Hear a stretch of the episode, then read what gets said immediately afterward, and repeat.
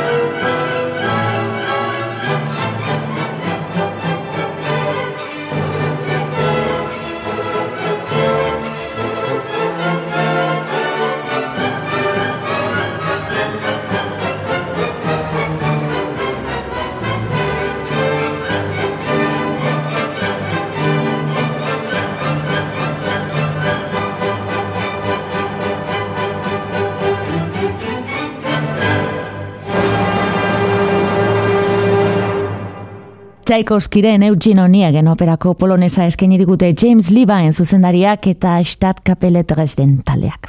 Eta Errusian giroturiko maixulan honen ostean, errusiera egin den operarik famatuena eta Tchaikovskiren sonatuena Goldberg variazioetako bat entzungo dugu. Murray Peragia, pianistaren eskutik.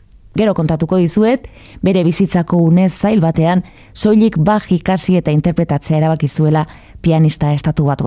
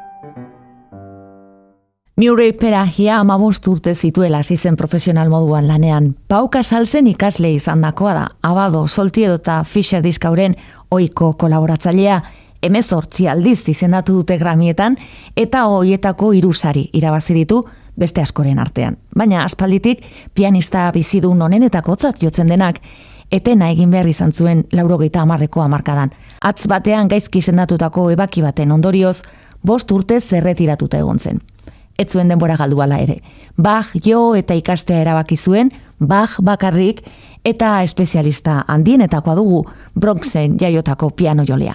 Goldberg variazioetako zazpigarrena interpretatu du oraingoan. Klasikoak EITB.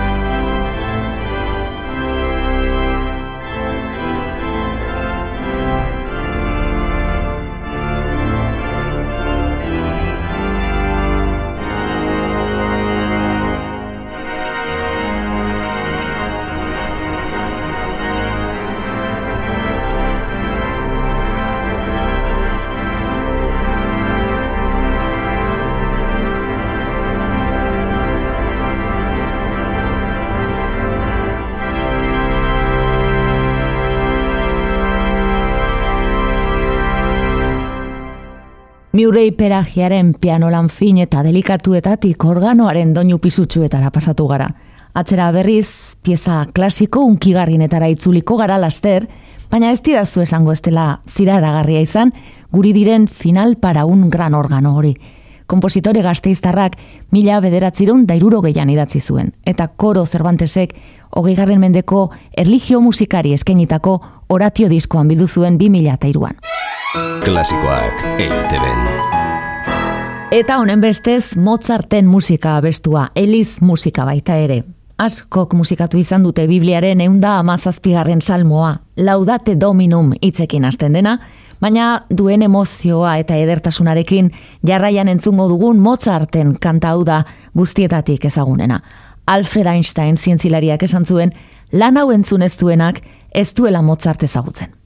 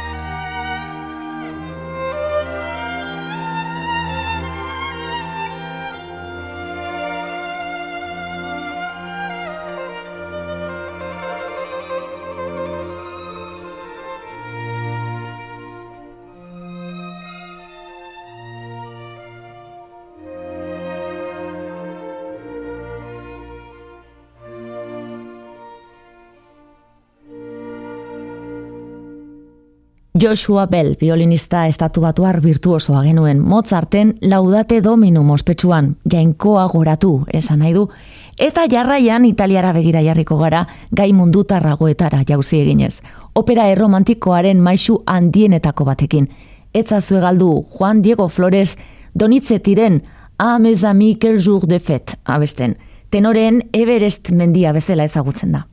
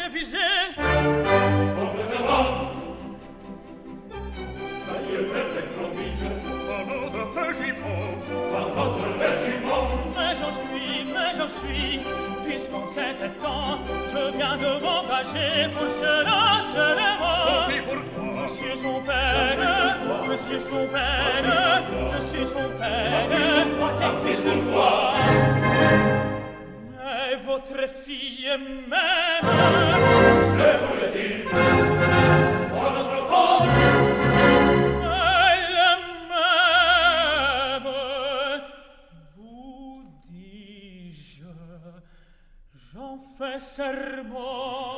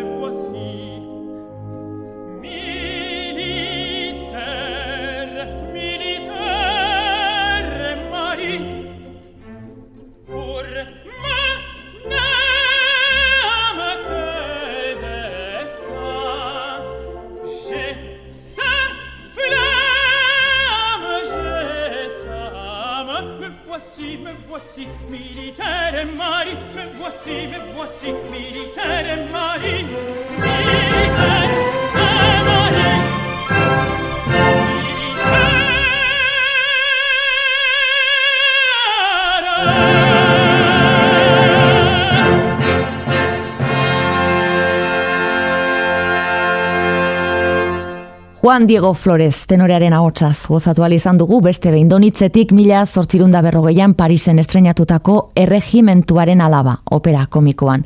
Amez ami, que jour de fet, aria ezaguna eskeni digu, bere bederatzi, do altuekin, operaren gailurretako bada. Lehen esan dudanez, eberestekin parekatzen dena. Eta arnaz hartzeko edo, Schuberten lidla bat jotzen, Bertrand Chamaiu piano jolea entzungo dugu jarraian. Auf den Baza zu singen, tolosako artista gaztearekin utziko zaituztet, uraren gainean abesten.